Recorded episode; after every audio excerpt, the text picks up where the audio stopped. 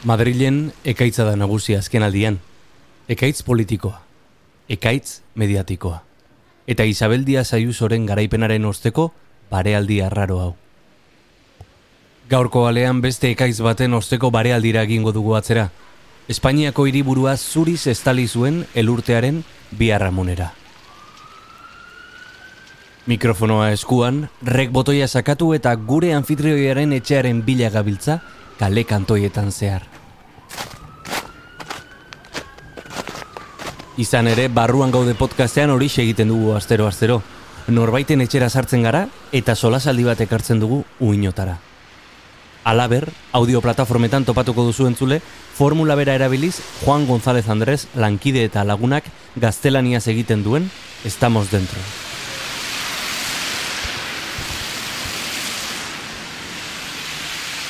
Ilundu du dagoeneko eta elur mendiak pilatzen dira bidegurutze eta espaloi ertzetan. Elurraren zuria, geroz eta beltzagoa da, ibilgailuen zikinarekin nasten denenean.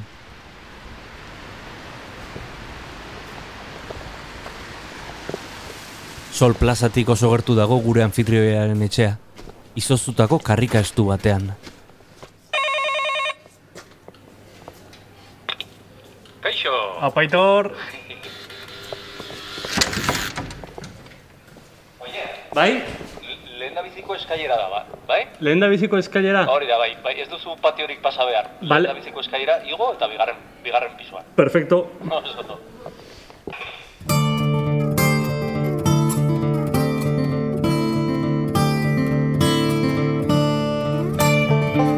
Oier arantzabal naiz eta gaur barruan gauden, Aitor Merinoren etxean sartuko gara.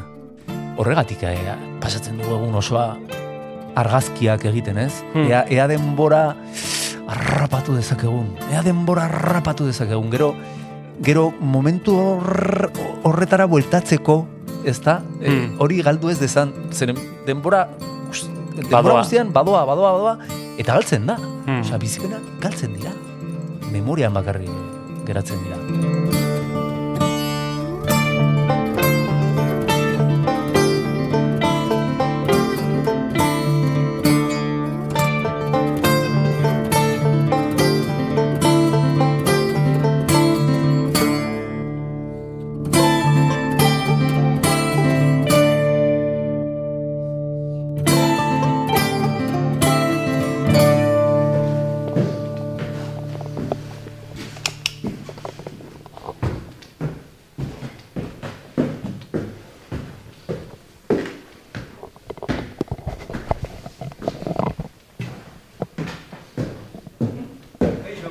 Kaixo, Aitor.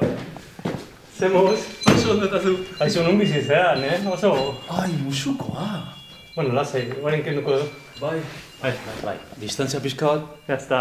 Jo, eh, ze, ze leku polita. Bai, bueno, zentru zentruan, Madrilgo zentruan. Ezin da zentrorago. E, bueno, eun metro. Intzen mapa baten konpasakin eta... Eh? Ez, baina solen, sol, solen badago horre, ez dakit ikusi duzun, lurrean, badago e, lekutxo bat non jartzen duen, hau da, el kilometro zero de España. Hor bizi zean. Eta ni eun metrotara bizi naiz. Donostian jaio zen Aitor Merino, baina iruñekotzat du bere burua. Eta esan liteke Madrildarra ere badela. Bai, Hogeita mar urte baino gehiago baitarama hiriburuan bizitzen. Ohiko autua da aktore eta zinemagile askoren artean. Spanish Empire. Hori da, hori da. Jo, etxo, ze, polita, ze polita. Ai. Bai, ba, txetxo hau, e... ba, hemen bizi naiz, bai. Etxe zaharra da, asko bizitakoa. Eta beroa, ezin hobea, elurtearen hotzetik babesteko. E, bueno, orain landareak sartu dituz, e, Bai. hotzarekin, ze gauetan bederatzi gradu negatibotan. Bai, eh? Bai, bai, bai, Madrilen. Hau ez, hau ez dut inoiz ikusi. Egon gela zabalak kalera ematen du, eta lehioetatik Madrilgo gaua senti daiteke. E, garbitu zuten e, zatitxo bat, Bai, hasi ziren, baina ez zuten bukatu, bai. eta gero, ba, bestea, begira, eta Norvegia. se- sei egun pasa dira, Bai, bai. eta oraindik horrela dago, Madrid. Osea, Bai, bai. flipatzeko da. Bai, bai. Bueno, Bueno. eh, zerbitzu publikoak eh, murrizten dituzunean, ba, alako gauza gertatzen dira. Hori da gertatzen. Eta Madrilen, Murrizketa asko, eh? buah, Bai, bai, bai. ez dakit zenbat, eh, amarka dara matzazkigun eh, bai, bai. eh, peperekin. Bueno, alda- aldaketa egon zen eh, i- Baina, irian. baina, bai, irian, baina komunitatean ez. Ja, ja. Bueno, presidente, Eta- presidente arduratxoa da kasu behintzat, ez? Eh, Bai, bai, oso, oso. Oso, benetan, konfidantza duena da. Eska, ematen du konfidantza bat. Oi! Bueno, bueno, bueno, bueno. Nahi duzu... Em, Bituz, baizu ze, zerbeza balima kasu hori hartuko izut. Eta ez balima kasu, ura. Zerbeza bana hartu eta saloiko lurrean eserik gara, mikrofonoak maitxo batean jarrita. Pa, pa, pa, pa, pa, pa, pa, bai. Horma finetatik bizilagunak entzuten dira, eta haien inguruan hitz egiten hasi dugu solasaldia. Uste dute ziudarrealekoak direla eta eta oso jende ba mila eta maja, ez? Baina eske ahotsa oso itxusia daka. Ja. Emakumeak. Eta orduan eh, neska lagunak eta biok deitzen diogu laurraka. Hori, Barkatu. Ama deitzen dugu laurraka maior eta gero alaba laurraka menor zeren ahots berbera dauka baina ez ez zain mingarri ahotsa. eta, eta ahotsa personarekin bat dator? Osa, ikusten duzuenean, eh, ahotsa etortzen dizue burura, ala ez da? Ez dakit, ez ez esango nuke. Ez, benetan oso jatorrak dira, osea, be- beraz horrela kritikatzea pixka bat. Gauzatxoa ematen dit, baina, baina bai, horrela, horrela ditzen diogu. Que badago persona klase bat, ahotsa Bai, oso diferentea daukana bere fizikoaren. bai, bai. Ez? Edo sentsazio ematen ez duzu espero horrelako ahots bat, ez? Bai, baina kasu honetan nik uste dut bat datozela biak. Fisikoki bentsat, bai. Aitor, e, etorri naiz Madrilera eta topatu dut elurrez beteta, e, tetorrezit momentu baten 2008a, ez? E, pasaden urte hau ze, ze urte Mm. arraroa izan den denontzat. Bai, E, barruan gaude hasi nuen e, lehenago, baina gero, karo, konfinamenduarekin eta bestearekin, etxeak hartu olako, ez, espazioa bihurtu daia, bai, e, bai. no- nola izan da zuretzako? E? Itxialdia? Bai, itxialdia eta, eta bueno, urtea orokorrean, eh? Bueno, itxialdia ez zen bereziki gogorra izan niretzako, zeren e, e, dokumentala bukatu behar nuen, eta hori egiteko aprobetsatu nuen, eta beraz lan pila genuen. E, beraz nahiko estresatuta egon nintzen, e, baina aldi berean lasai zeren ez neukan hainbeste gauza, bueno, etxan egon behar nintzen, ba, jazta, ez?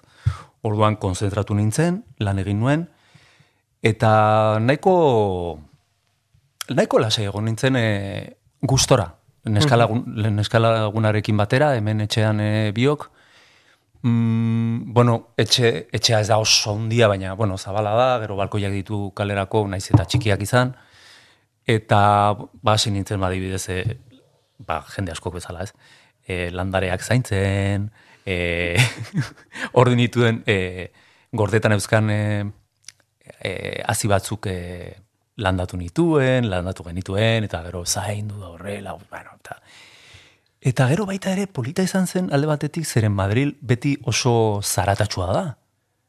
Eta orain adibidez, momentu honetan oso lasaia dago.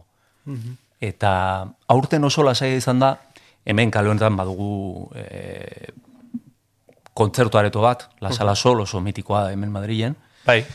eta askotan ba kontzertuak izaten dira, eta jendea entzuten da kalean, gustatzen zait, puntu bateraino.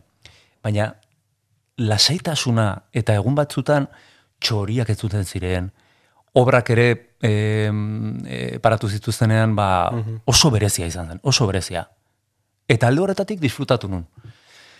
Gero, bestalde, noski lan aldetik gaizki, gero kezkatuta, baita ere, gizartearekiko, familiarekiko, gurasoarekiko, e, pff, eta, bueno, e, eta aldi berean baita ere, mm, nik uste dut bizi izan dugula pixka bat errealitatea edo mundulan, munduan olakoa den konturatzeko lagungarria izan dela. Zeren, gure belaunaldia nik uste dut oso ondo bizi izan dugula gure denbora.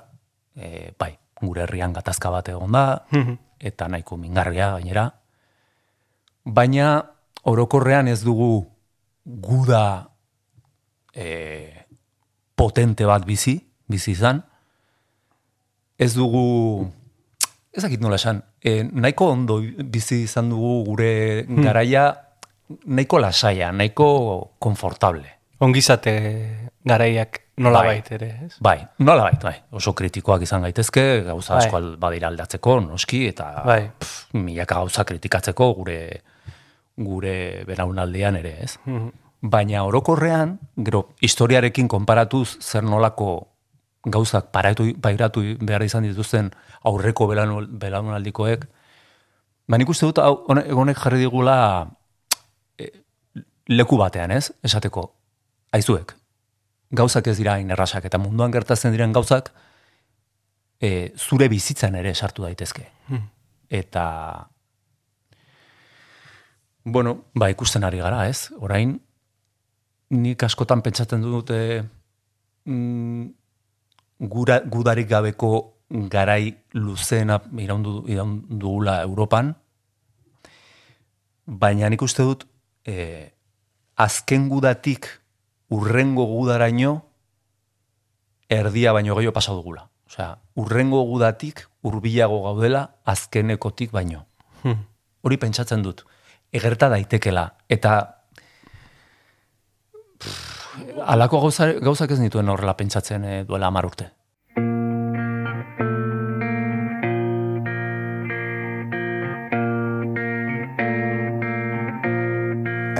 Mundo pende de un hilo. De un hilo pende el mundo.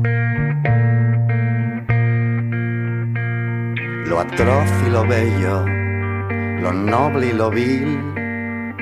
De un hilo fino, de un hilo sutil. Tal vez del grosor de un cabello. E, Sentsazio ematen du mundu aldatzen ari dela, ez? Oso azkar, ez? Bai. E, e, azeleratu dela aldaketa. Esan nahi dut, e, mm, barealdi batetik gatoz, baina sentsazioa da nerea behintzat mm, urak mugitzen hasi direla.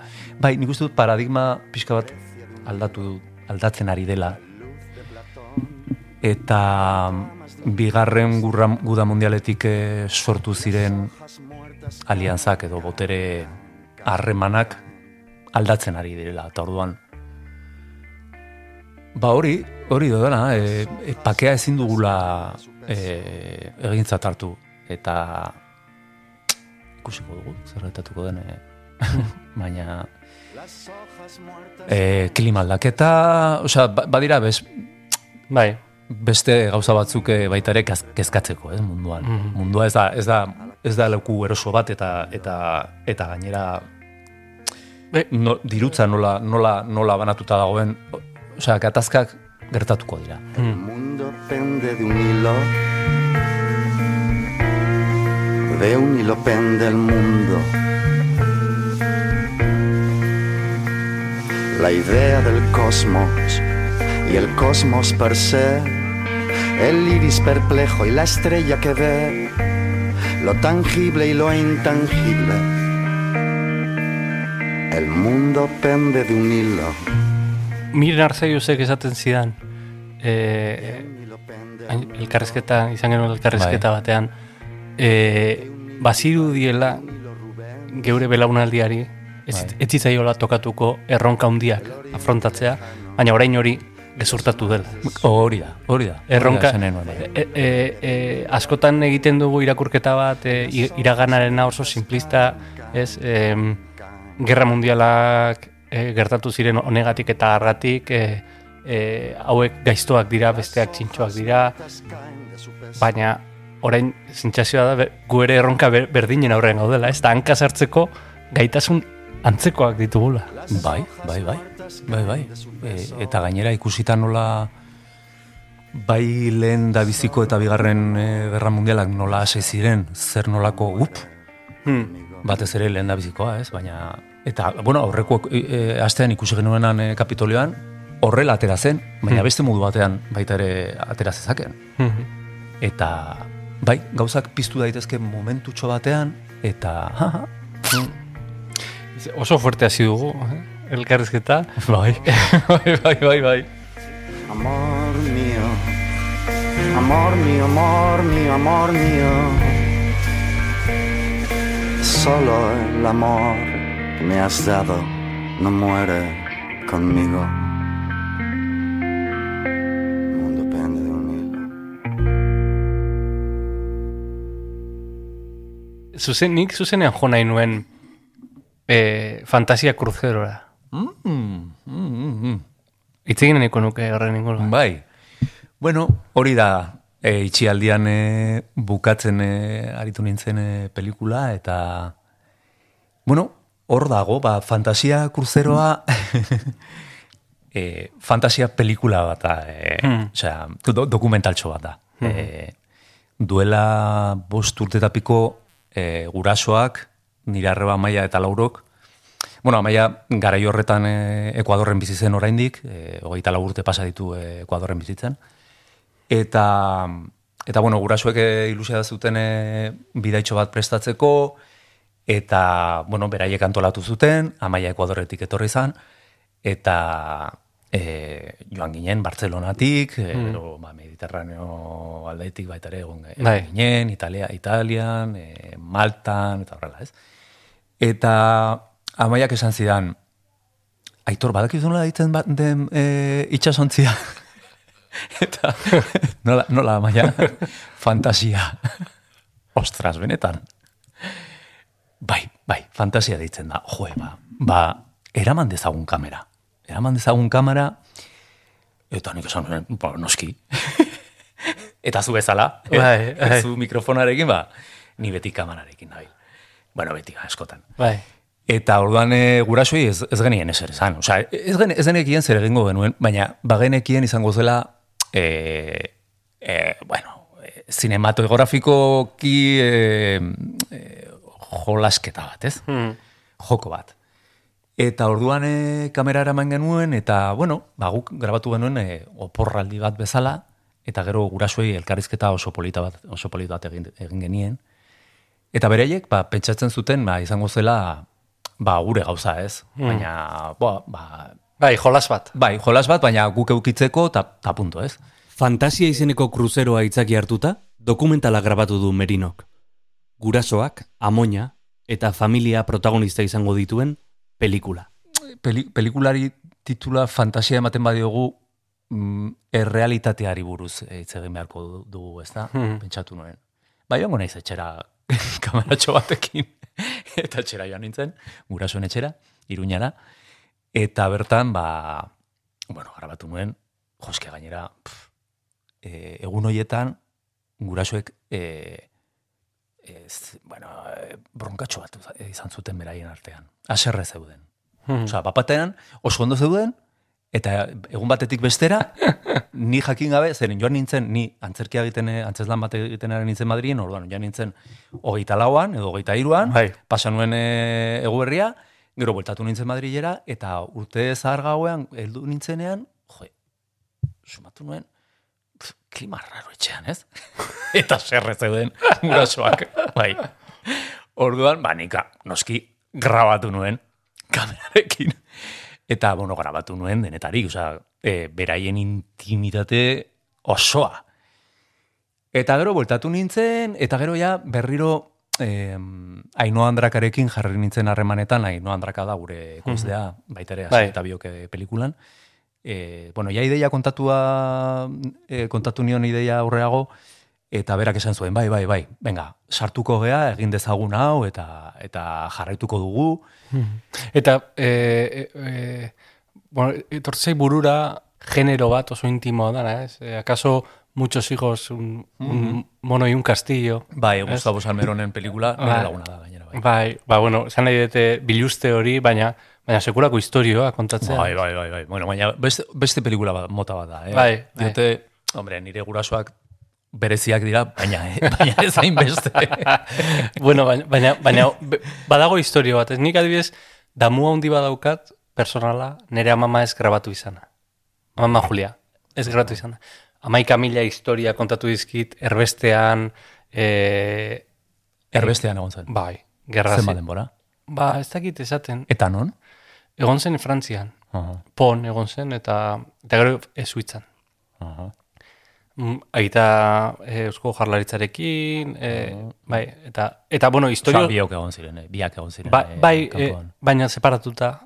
Bai, e, alabak alde batetik eta aita beste alde batetik, eta bueno, oso gogorra, bai. Ostras, Eta, karo, dana galdu zuten, gerran, ez? claro. E, eta hori. Baina, esan nahi dena da, historio pila bat galdu dira hor. Ez? En, e, harrapatu banu e, bi urte beranduago, bi, e, grabatuko nioken. Ja negoen pentsatzen, baina e, joan zan, ez? Eta badakat sentsazio bat, ez? Galdu dudala hor historio pila bat, kontatzen zizkidanak, baina ni jan ez gogoratzen, ez? Historia Claro, claro, claro, bai, bai, ba, hori, hori izan da nire, nire grina baita ere. Beraz, amoina grabatu dut. Eta, Ah, bai, bai, bai. Begira. Bueno, duela bi urte zendu zen, eta zendu aurretik, aurretik grabatu nuen, eta beraz, pelikulan agertzen da amoina. Baina, karo, bai, bai, ulertzen zaitut, eske horretaz da, horretaz doa e, filmea. E, nolabait, e, irudiari zer nolako garrantzia ematen diogun.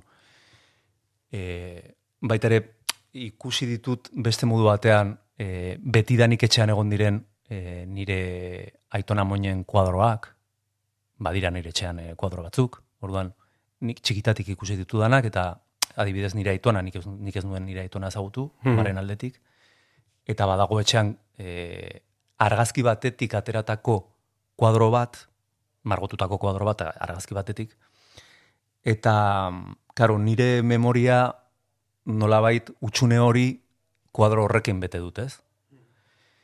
Eta nolabait pelikula honekin egin nahi nuen baita ere, ba, e, ba, ba, bueno, ba, gurasoak e, faltan daudenean, ba, nolabait beraien e, irudi mu- mugimenduarekin edo beraien bizitzaren zati bat grabatzea, erretratu modu bat, beti erretratuak e, ez dira osoak, ez da? Beri, ezin da erretratu, erretratu batean komplexitasun osoa persona baten. Baina, bueno, pelikula honetan agertzen dira momentu e, bereziak.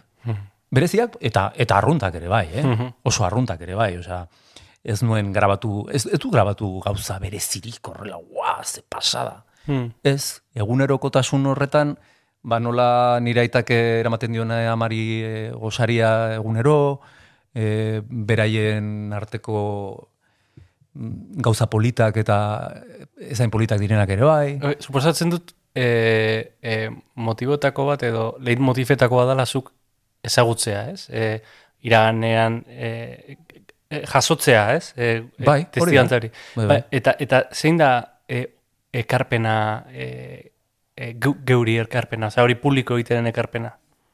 Bueno, nik, nik uste dute beti pelikula bat ikusten duzunean, e, e, hor pantailan gertatzen dena zure e, bizipen propioak pizten dizkizula, ez? Orduan, nire gurasoak, edo gurasoak izango dira, denan guraso, gurasoak, nola bait, nola bait. Mhm. Gero, pf, bakutza da bere modukoa, ez da? Eta familia bakoitzak baditu bere, bere gauze bereziak, eta guzti hori, baina nola, karo, baita ere, e, zahartzaroaren erretratu bat da. Zeren gurasoak gero eta zaharragoak dira, Mhm. nire amoina laro mala urtekin zendu zen, eta orduan e, ahultasun horren e, erretratu bat da baita ere.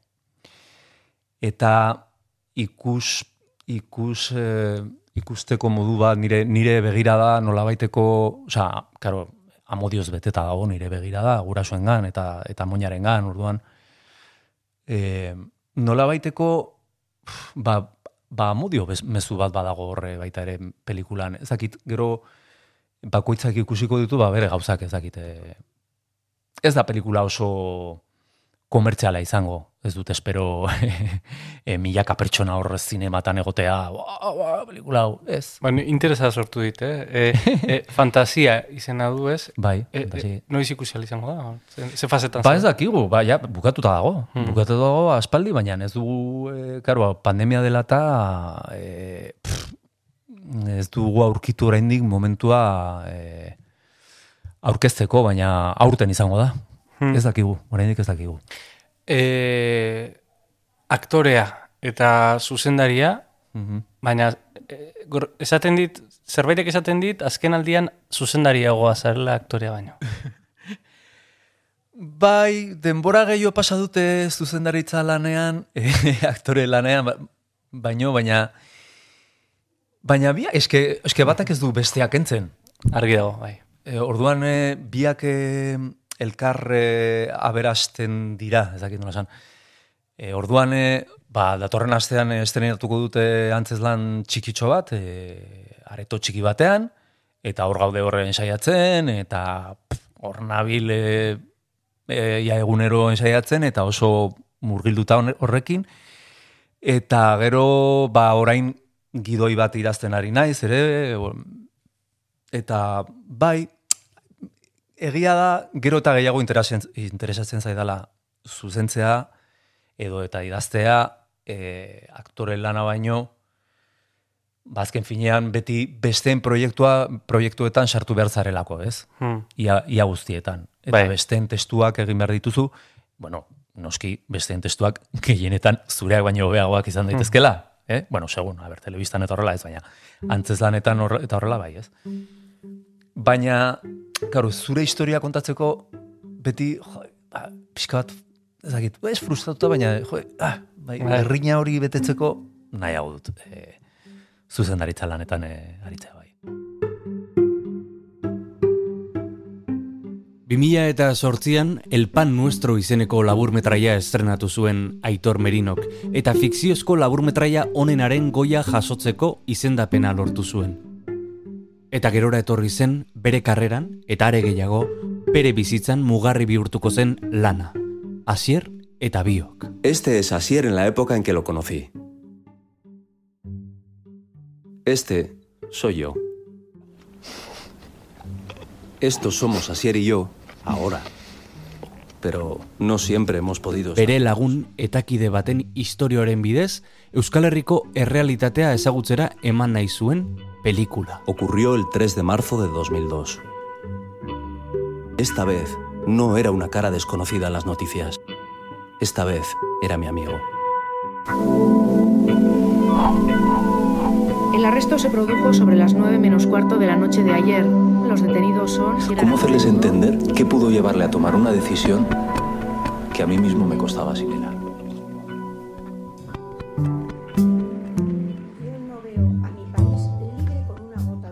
Lehen gatazka aipatu dugu, eta zuk momentu batean pentsatu zenuen, e, gatazka hori azaltzea Bai. zure bizilagunei. Bai, bueno, azkenean filmean e, nire lagunak e, nola baite e, eskusa dramatiko bata, ez? Hmm. Osea, nire lagunekin askotan egon ez hitz egiten gatazkari buruz. Askotan, ta askotan, ta askotan urtetan zehar. Orduan, e, pentsatu genuen amaia eta biok e, zuzentzen ari edo, edo idoia idazten ari ginelarik importantea zela nori, nori kontatu nahi genioen historio hori, hau ez. Ezta? Eta, eta pentsatu genuen mm, nire Madrilgo lagunak izan zitekela mm, eskusa bat edo modu bat, ba, ez eskusa baizik eta modu bat Hmm. pertsona arruntei kontatzeko. Estatu espainoleko pertsona arruntei kontatzeko.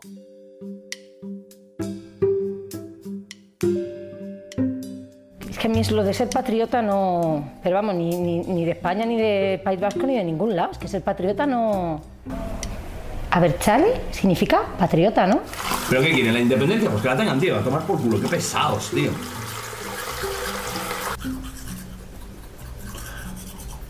¿Y los navarros son vascos o no son vascos? ¿Y ¿Tú qué eres? ¿Tú qué eres navarro o vasco? Guk ez, genu, ez genuen e, pelikula bat egin, egin nahi guretzako, Mhm. Osea, gu gure historiak, bueno, baditugu milaka historia, baditugu ikuspuntu ezberdinak, baina, jo, Euskaldunon artean, bueno, behintzat, Euskaldun batzuen artean, e, partekatu ditzazkegu ikuspuntu batzuk ne- e, oso oinarrizkoak, ez? Esa- Esan dezagun iritzi publiko bat dagoan eta beste bat hemen. Noski, bai, bai. Nabarmen, ez? Boa, bai. Oso ezberdinak. Iritzi publiko ba, ba asko daude Euskal Herrian bertan, eta Madrilen ere. Baina Madrilen... Hegemonikoak, behintzat, hegemonikoak, bai. desberdinak dira. Boa. Oso ezberdinak. Hemen, ez... E, gatazkari buruz, ez dago, ez dago ez ezagutza bat, bakarrik.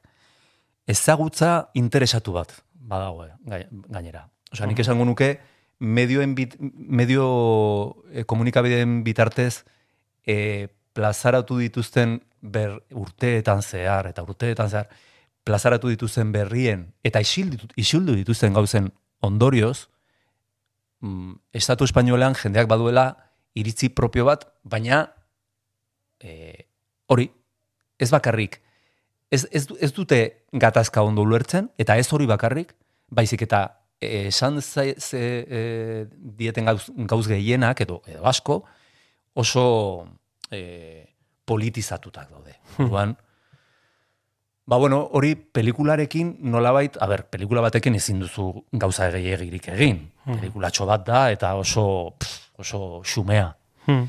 Baina guk kontatu nahi genuen historiotxo bat, e, pertsona arruntentzat, eta behintzat galderatxo, galderatxo, oinarrizko galderatxo bat egitzeko egi- egin dezat, de, e, zezaten, edo gal, bere buruei gal, galdetu ziezaioten, ea kontatu digutena e, osorik dagoen, edo agian ea baldin badago kontatu ez digun, digun ez diguten zehozer, ez? Mhm.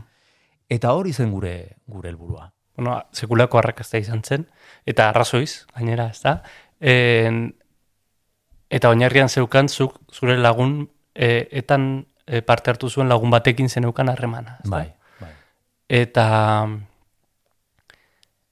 e, suposatzen dut, ez zela erresa izango, ez da, histori hori e, bat e, kontatzea, ze, ze e, pentsatzen jarrita, ez? E, oso zaila da, eta egon den norbaitek horrelako biluzketa larik eta egitea, hasierren aldetik Bai. e, oso eskuzabala izan zen. Bo, izugarri eskuzabala. Izugarri. Eta, bueno, horrek baita ere erakusten du zer nolako lagun bitxia den, hasier. Hmm. Jendea mm, normalean ez da, ez da konturatzen e, askotan esaten didate, jo, ze ausarta izan zaren e, pelikula hori egiteagatik, eta nik esaten dut, "Pff, ausarta ez, ez naiz ausarta izan, ni pff, hasier bai izan zela ausarta, ze, eta gainera pelikula ez da bat ere e, uf, amable edo ez dakit nola esan, bere, berarekiko oso, oso gogorra da edo. Kritikoa. bai kritikoa eta osea maitasun askora e, oso ze egina dago. E, esan daiteke, bai, barkatu aitor, e, kritikoa dela, baina aldi berean gauza e, modu komplexuan erakutsiaz, ez? Ez, ez du, osea, kritikoa izanagatik ez du sinplekeriara jotzen. Eta erakutsi nahi du, edo ulertu nuen nik, bintzat, Mhm. erakutsi nahi duela oso, bai, oso komplexa, komple, komplexutasuna e, bai, bai. jendarte oso komplexu bat. Bai, e, hori izan zen gure saiakera, eta ez dakit lortu genuen ala ez, pff, baina oso zaila izan zen. Oso zaila, alde batetik, e, gehien bat, as- e, asierrekin, e, jo, eske ardura handia zen. E, bere irudia publikoa egitea, baita ere momentu oso intimoak bere etxean, bere amarekin, e, oso momentu intimoak agertzen direlako, eta gero e, baita ere politikoki pff, ezer osoak, ez da? Zeren e, kontatzen diren gauzak ez dira gauza politenak. Naiz eta adiskidetasuna hor egon eta horri da e, pelikularen funtsa uste dut. Ez da? Eta horretan e, sostengatzen da amodioan eta adiskidetasunan. Baina, karo, or- orduan oreka hori eta gero al- bestaldetik ni izan behar nintzen pertsonai bat e, eta ez naiz pertsonai bat, pertsona bat naiz. Eta eta hasier ez da pertsonai bat, pertsona bat da, baina gero pelikula bat egiten duzunean, naiz eta dokumentala izan, nolabait ikuslearentzat pertsonai bat bezala zea, e, zeren pelikula bat da. Mhm. Bai, dokumental bat da, baina eta eta gainera dokumental bat ikusten duzunean normalean pentsatzen, pentsatzen duzu, ah, hori da errealitatea. Baina errealitatea mu- e, baita ere mm, gidoilan, osea, badago gidoilan bat, horrek ez du esan nahi agertzen dena ez dela egia, dena egia da, osea, Mm. agertzen den guztia egia da. Baina zuk gero aukeratu behar dituzu, zer irudiak jartzen dituzun, eta zentzuk ez. Eta ze ordenean jartzen dituzun, e, Bai. eta nola erakusten dituzun, eta horrekin sortzen duzu irudi, irudi bat. Retrato bat da. Bai, erretrat, eta esan bezala, erretratuak beti ez dira, osea, beti inkompletoak dira. Eta orduan, nik ere sentitu nuen, eta peli- pelikulan bertan esaten da, ez zela bat ere e, pff, justua hasierrekin. Osea, la- lagun bezala, askoz ere e, pff, maitagarria dela per, e, pelikulan agertzen den baino Mhm. baina aldi berean pelikulan ezin genuen dena e, erakutsi, orduan eta eta aldi berean gero pentsatu behar genuen baita ere, joe, estatu espainoleko jendeak ezin du zinematik e, atera, osea, ezin da atera zinematik esanez. Bi kabroia hauek ez dute jarraitu nahi izan dira horrelako e, izan dira horrelako joerak, ez? Baina orduan eta joe, hain komplexua den gatazka batei butu- buruz hitz egiteko eta eta gero baita ere barkatu, eh? Beste gauza bat gero gero konturatu naizena Mhm. da. Adibidez, e, biktima batzuen ez bakarriketakoak, baizik eta galekoak edo guardia Mhm. zibilaren e, irudi batzuk agertzen dira, biktima batzuen irudiak e, erabili genituen eta Bai. momentu horretan ez era konturatzen irudi hoietan agertzen diren pertsonak familia, Mhm. osea, bizirik dagoen familia dutela. Bai. Eta gero, karo, topo egin dut, pelikula agertzen diren e, senitate batzuekin, eta ostras, konturatzen zera, jo, ba, agian baimena eskatu ba, behar Bai. nizune zure senitartekoen e, irudi hori erabiltzeko, edo, osea, oso tema pff, zaila da, Zaila da, bai. pelikula bat egiteko. Baina- Oso zaila. Baina zu ausartu zinen eta egin ere. Eta ez, Bueno, ni, ni, bak, ni bakarrik ez. Amaia Amaia ere, batera bai. eta Ainhoa Andrakerekin batera gure Bai. ekoiz, e, ekoizlea oso ausarta izan zela betare. eta e, nolakoa izan zen zure Madriliko lagunen arra? Ona, oso ona. Beno, e, eske karo, lagun, lagun bakoitza mundu bat da, orduan denetarik, denetarik, baina orokorrean oso ona, oso ona. Bai. Baina baita ere, bueno, askotan hitz egin dugu e, gatazkari buruz, askotan hitz egin diet urteetan zehar hasierri buruz, orduan beraiek batzekiten nire historioa. Hmm. Hor, e, behin e, Asier Etxeberriarekin hitz egiten e, atera zen e, kontzeptu bat. Bai. Eta da kanprogresista. Eta da e, kanpoko aferekin progresista dena, baina barrukoekin ez. Eta nahi bai zintxazio ematen dit, batzutan oso erresa dela Saharako asuntoa ulertzea, oso erresa dela Palestinako asuntoa ulertzea, Irlandako ulertzea, baina, bert, baina Euskal Herrikoa edo Kataluniako ulertzen oso zaila jende askorentzat. Eta enago egiten boxeko jende. Oso, oso, oso, oso, oso. Bueno, hemen, hemen, hemen bizi naiz. Bien, naizu.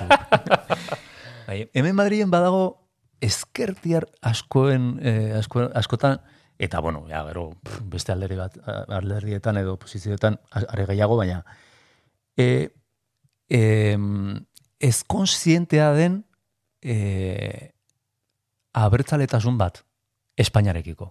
Hmm. Baina e, larriena da ez direla konsiente. Osea, beraiek pentsatzen dute ezetz.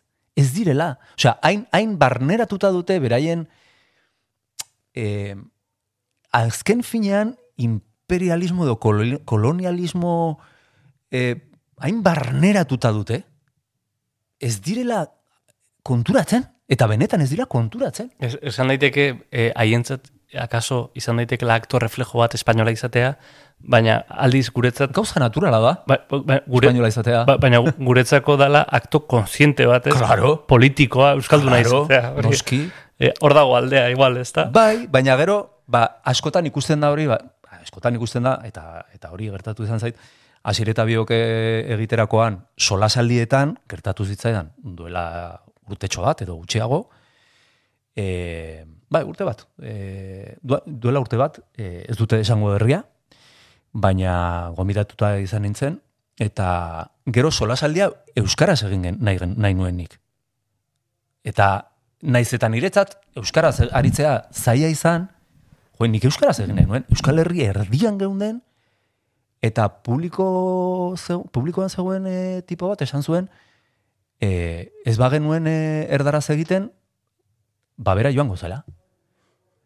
Eta orduan, e, beste pertsona batek esan zion, baina nik lagunduko zaitut. E, ba, ez, ez, ez, ez, ez, ez. Jo, eta ni hor ikusi nintzen nire burua hor erdian, eta, eta, Hori oso eta bio- ze demontre. Eta, eta hori da, hori da, osea, pertsona hori, esa, Hmm. jartzen dute e, esemplu gisa, gisa zeren, nik uste dut Madrien alako gauzak, osea, ez dute ulertzen, ez dute ulertzen, ez dute ulertzen. Karo, bizkuntzetan egin e, egin ahal badugu, ezta? Denok gaztelaniaz egin dezakegu, zeren denok denok e, gaztelania e, menperatzen dugu, hemen gauden danok. Baina eske bestela ezin dugu euskaraz egin inoiz.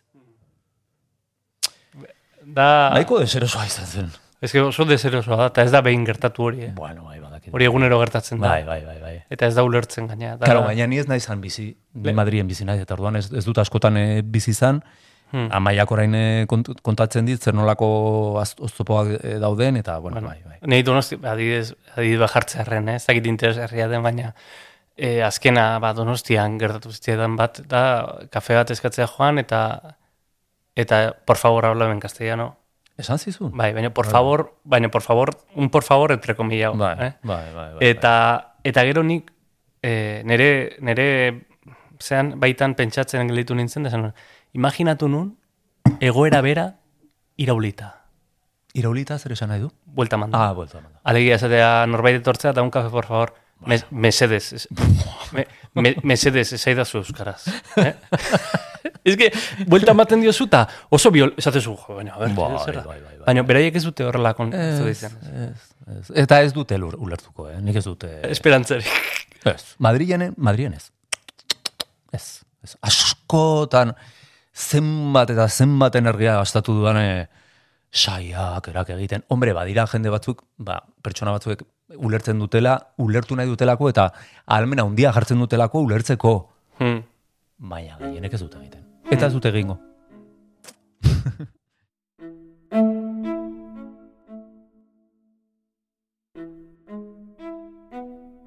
Aitor, eh, esan dute izan dela alako mugarri bat, ez? E, pelikula hau zuretzako oso en, e, bueno, zabalpena handia izan zuen, naiz eta leku askotara ezin izango zenuen eraman, ezta? Bai, baina, bai, bai, bai, bai. Baina asko, asko ikusi izan da. asko bai. ikusi Bai, izan da. Bai, bai. E, Eta arre- munduan zehar, gainera. Munduan zehar, harrera oso nahi izan du, Bai, bai, bai, bai. e, oro har, e, baina aletu nahi nizun, ea ondori horik izan duen zure lanean, e, Espa- Espainian. Ze, ze egia, da, egia da horrelako kontutan posizionatzeak, ez Willy Toledo efektua sortu Bai. dezakela. Nabaritu duzu? Uf. Eh, ez. Orokorrean ez. Baina ez dut jakingo. Ez dut jakingo. zeren- Akaso bai, ez? Akaso... Claro, eske, eske ez, nik ez dut jakingo eh, paper bate adibidez eh, Antena 3 edo Telecinco edo ez dakit zer eh, edo Movistarren edo... A ber, lan egin dut, eh, hortik eroz, egin dut lan eh, Televisión Españolan, egin dut lan eh, Antena 3en, eh, egin dut lan, eh, ba, ia, osea, askotan, egin dut lan, eta ez dut inolako arazorik izan. Baina ez dakit, ez dakit, a- agian gertatu daitekena da, ba, beste aktore baten artean eta nire artean egotea, eta gero ba, begiratzea sare sozial- sozialetan, edo begiratzea nire eta bueno, esatea ba, ez dugu arazorik izan nahi, e, boikot bat egon daitekelako, edo agian, ez dakit, osea, euskal. Mm. Ez du jakingo, baina eske ezin dut horretan pentsatu, ezin dut gastatu nire energia, energia horretan pentsatuz. Eta ez dut egiten. Mehatxua hor dago. Willy Toledorekin mezu zuzen bat bidali digute. Hmm. Kontuz, nola posizionatzen zer nolako lekua hartzen duzun, eta zer nolako gauzak sala- salatzen ditu, dituzun publikoki, hau gertatu al, e, Hmm. zaitezkelako, ez? Eta, bueno, mehatxu horrek, ba, ba hor dago. Osea, nik ez, nik ez dute e, belarriak eta begiak itxi, eta, osea, nik badakit hor dagoela. Eta, eta be- beraz, gerta daiteke. Osea, nik, nik badakit gerta daitekela horrekin bizi naiz. Eta jazta.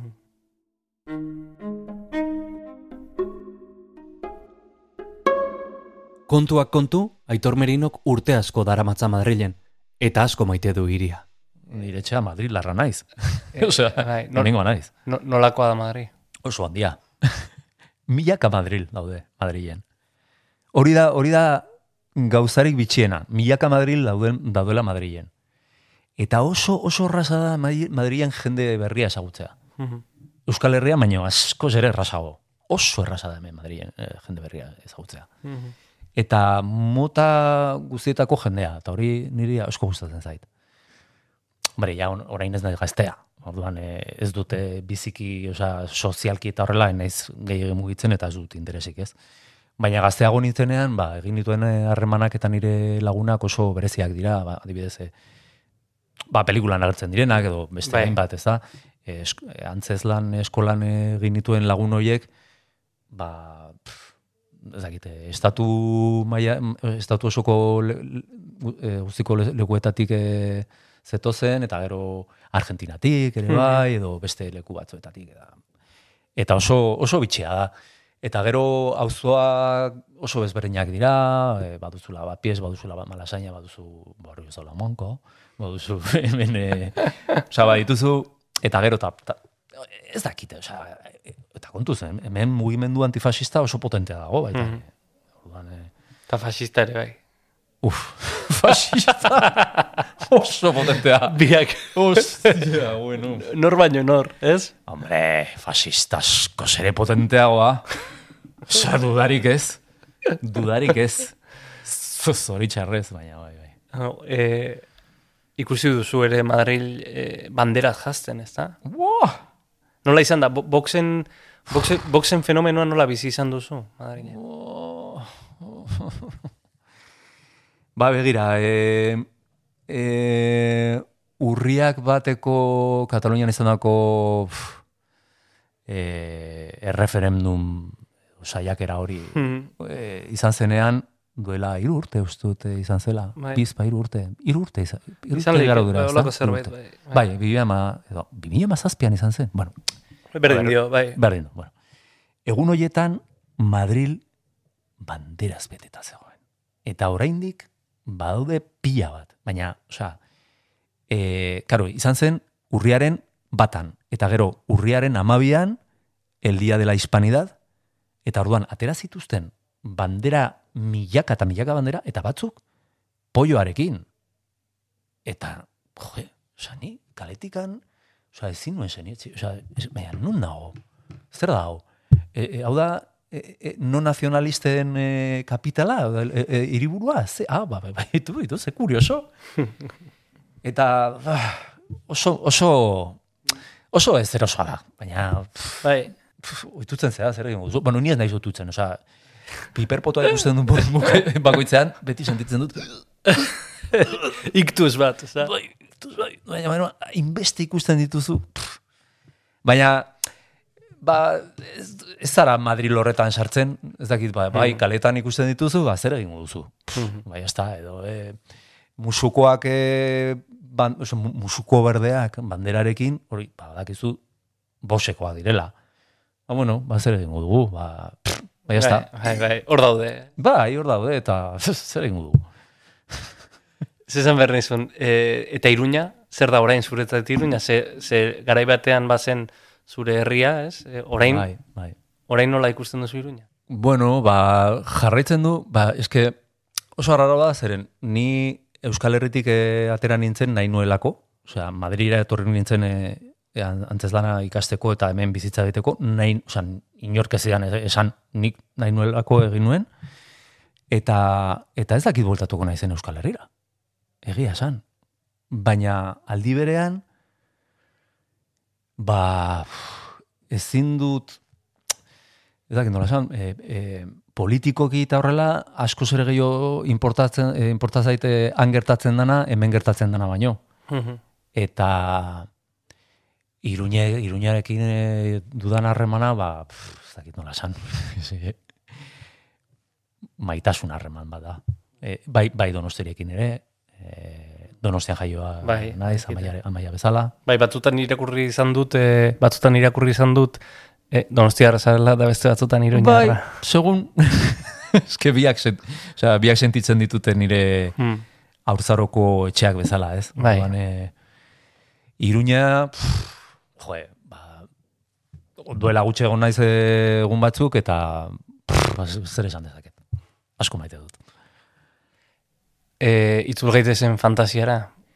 E, esan duzu, ez? E, suposatzen dut ariketa hori e, gurasoak amoina, ez? Bai.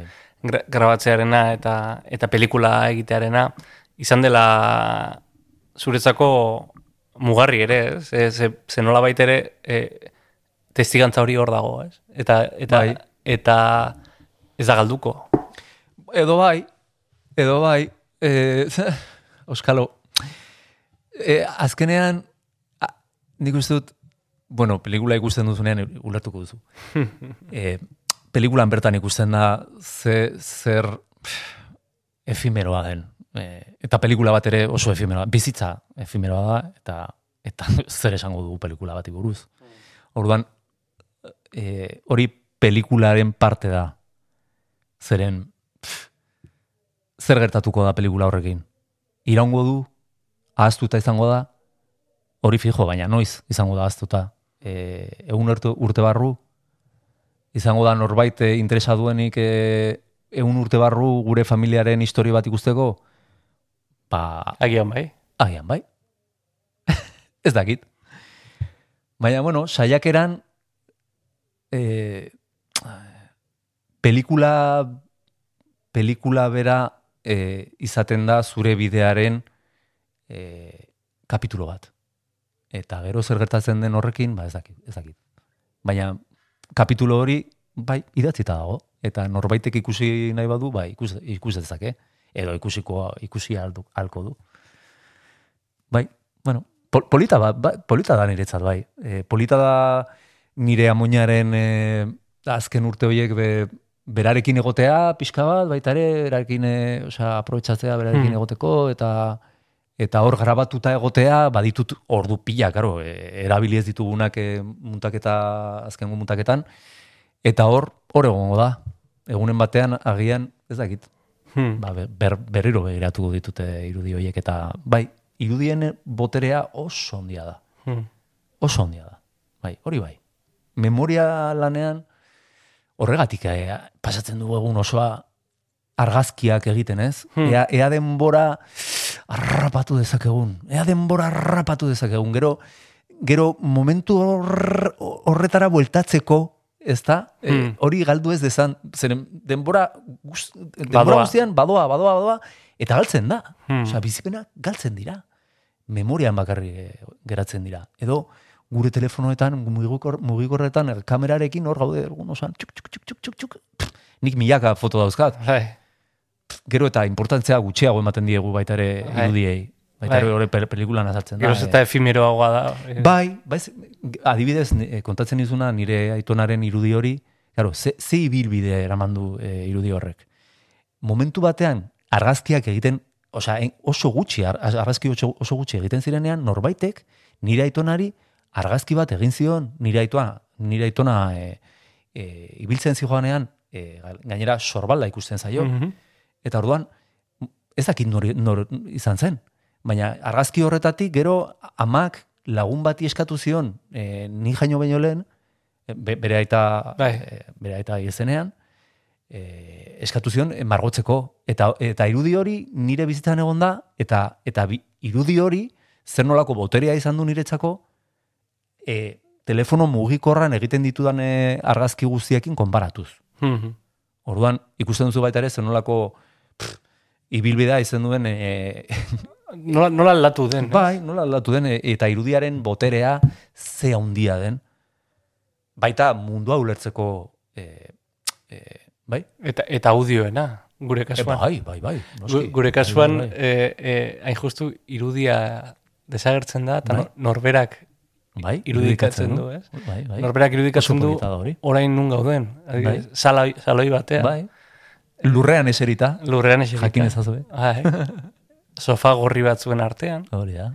Eta estanteria handi batekin parean. Bai. Eta estanteriaren bestaldean dago, lehen aipatu dugun horma fina. Horma fina. eta auzokideak. hori da, hori da. Aitor, eskerrik asko, eh, txeko ateak zabaltzeatik. Zuri etortzeagatik. Besarka bat. Besarka bat.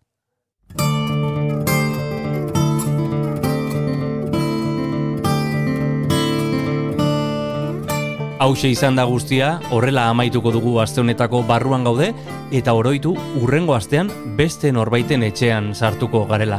Audio plataformetan topatu gaitzakezu, baita EITB Podcast plataforman ere, bertan arpidetu eta lehenengoa izan zaitezke barruan gaude zure gailuan jasotzen. Alaber, Twitterren topatuko gaituzu, abildua barruan gaude kontuan. Eta gogoratu, saio honek baduela anaia biki bat, estamos dentro, Juan González Andrés kideak zuzendua.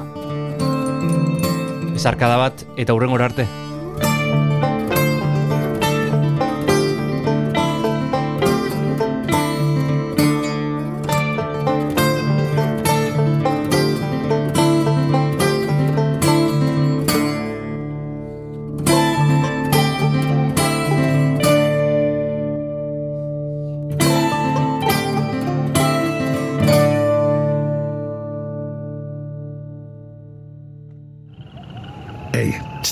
Entzun hori. Ulu Media.